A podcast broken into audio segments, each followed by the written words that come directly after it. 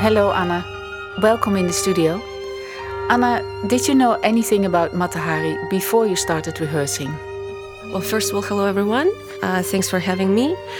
And I'm so looking forward to be back to Mata Hari again after uh, world premiere, five years.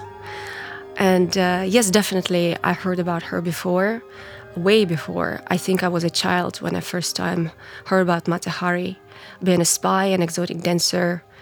Um, yeah, so definitely, I have. So since then, probably you learned a lot more, or you discovered a lot more about her uh, while working with Ted and Janine on all these scenes. Um, how did you work together? Actually, were there were there also moments of invention when you worked together with Janine and Ted? Well, uh, I'd say yeah, we had a couple of meetings, the three of us, uh, Ted, Janine, and I. But the libretto was already uh, done in depth when we started to when Ted and I started working together. Remember, Ted, every rehearsal, every single rehearsal, the uh, bunch of new information, I, in depth, you know, extended information was presented to me so that we could really get into the character. And uh, well, I remember how we started the process. We actually started with her solo when. Um, she reveals herself as like um, she, her strip solo, so I would say. Yeah. Was that the first scene? That's yeah. We started working on this movement first, so basically we did not start with maybe the chronological order, uh, but we uh, started with the essence, you know, of the ballet.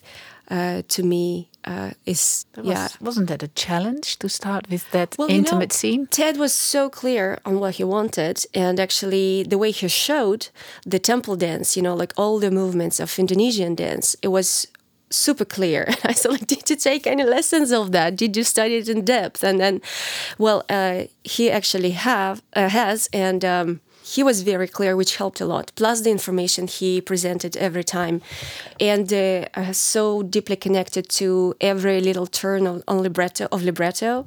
I mean, yeah, that's that's the process which I really am grateful for because I'm a very detail oriented person myself, and I know that every little single like minor detail can change a whole deal you know the beauty of this process particularly about Mata Hari uh, that ted uh, had uh, so much trust in me you know and he he would present me with the base with the main line uh, with his vision. And then uh, i had enough artistic freedom which i'm so grateful for that uh, i was not in between like two walls and i had to follow the strict path. But that was truly a creative process for both of us. And uh, we would just spark one of each other one and, and it's nine months as if you know we are like giving birth. like giving birth exactly. Or just carrying the baby and at the end you know the result comes. And it was amazing because you witness how the uh, production level by level shapes up. And uh, how we maybe at times we would get back to the scenes which were already done and we would add things because well that's what you do seeing the whole thing from a little bit of a distance now when then you can you improve. know, absolutely. Yeah. Nice yeah. nice. There were a total of 80 costume designs i think and for the uh, whole ballet. for the whole yeah. ballet. For me it was thank god less. No 80 costume not changes. 80 costume for no. me. But the challenge of this of course as you say it's it's a lot. Like Mata Hari as a character she's on stage basically all the time. So the time she's off stage actually is then when she changes the costume. And I do believe that I have about five or six costumes in total, but I have more fast changes because uh, there maybe if the costume is not changed completely, but there is an addition uh, to the costume, and also I have actually one costume changed right on stage when uh, the there is a wedding scene. You know, she has to put her dress, which is replicated exactly. Um, uh, from the documentary picture. And um, that's actually, I would say, in a way more tiring than to be on stage and dance because it's it's a a little stress at first, especially when everything was just new, and then we were uh, not sure if we can make it. You know, because the fastest one probably was about thirty-eight or forty-two seconds. Yeah, so this just like jump out of one, get into the another, and run on stage again. But our uh, staff, uh, like uh, couture people, they are so knowledgeable and very fast. And so they're a great help. You know, you're surrounded by four people who take care of you during those seconds, and they working uh, as a very it's a choreography team, in itself. You know? Yeah. Yeah. So that's that's also interesting uh, experience to the whole thing, of course. Yeah. So yeah, what we also mentioned already, she had a, a character. She's growing during the performance from a child to an adult. Um, what kind of character do you think she is actually? Well, you see, it's um, such a broad um, uh, question, and um, in my opinion, of course, we can have facts about her, we can read about her, and even if there are evidence about her, how she was, who she was, still it's not possible to say 100%. So, in this case, especially if we're having uh, now, well, we are talking about art and uh, ballet in particular, and I'm interpreter of her. So, like, inevitably, I will add my perspective and my vision, how I see her. And um, I would say that I admire her strength. And to me, this is the woman who would. Uh, recover like let's say a, a phoenix uh, from ashes you know? Every time she would have her life in ruin she would be able to get up again and reach new heights you know? Right.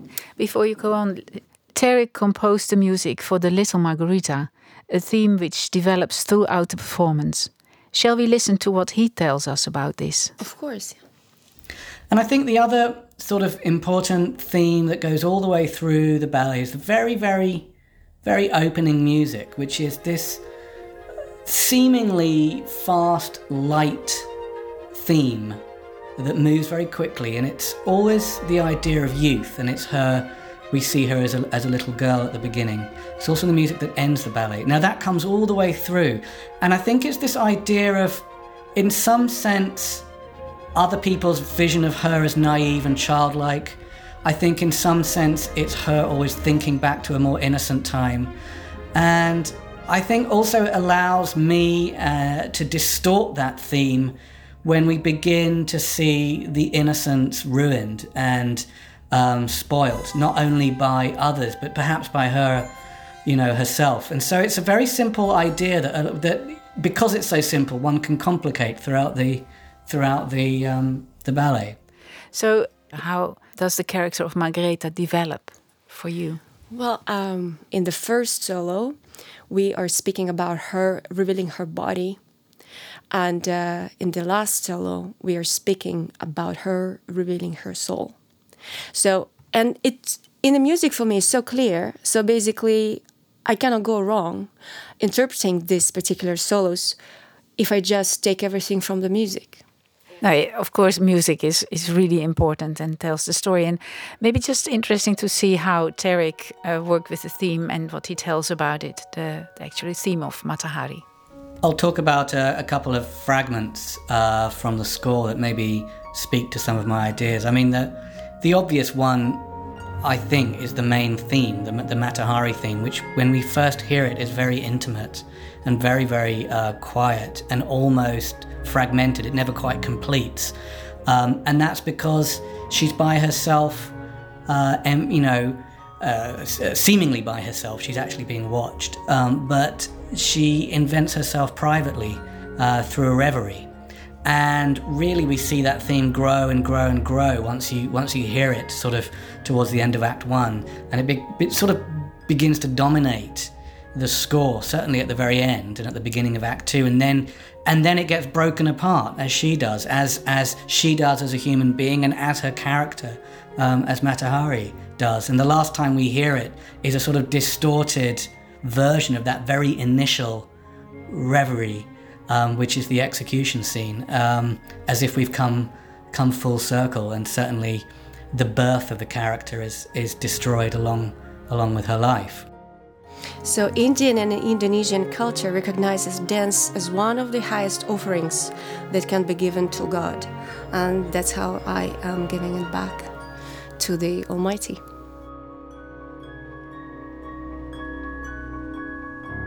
Anna, now you are also coaching and you teach the role of Mata Hari to Salome, a dancer, Salome Leverashvili. Um, how do you go about that? How is it to, to teach the role now? Well, firstly, I am very grateful for this experience because it's truly unique. Uh, to be able, on one side, uh, to dance the role yourself, and on the other side, you're coaching it to someone young and talented and so eager and very receptive. And i am very happy for our union you know in the studio and um, the way she takes information from me. I'm very happy to be experiencing this particular thing because it sort of rounds up the role for me also you know? It's reflection uh, of of both in one mirror if you will. And um, the the closer we're getting to the performances the as if like the flower the lotus flower which i carry in my heart would just open up like bigger and bigger and bigger you know? And yes uh, I, I i love this process coming up like closer and closer to the moment of the opening night and everything and it's it's somehow sound, all I can uh, say it's it's a unique experience and I'm very grateful for be like uh, for to be able to have that right now yeah Do you, do you like to be a ballet master? Would that be a, a next uh, level for you? Maybe? I I definitely um, I definitely feel this skill in myself and I would really love to go further and keep on um, uh, passing you know my knowledge my experience and uh, imagination and uh, culture and whatever the uh, the the teacher uh, would do for uh, its students. I believe yes that's something that I would love to pursue of course. Thank you very much for your time. and you too. Thank you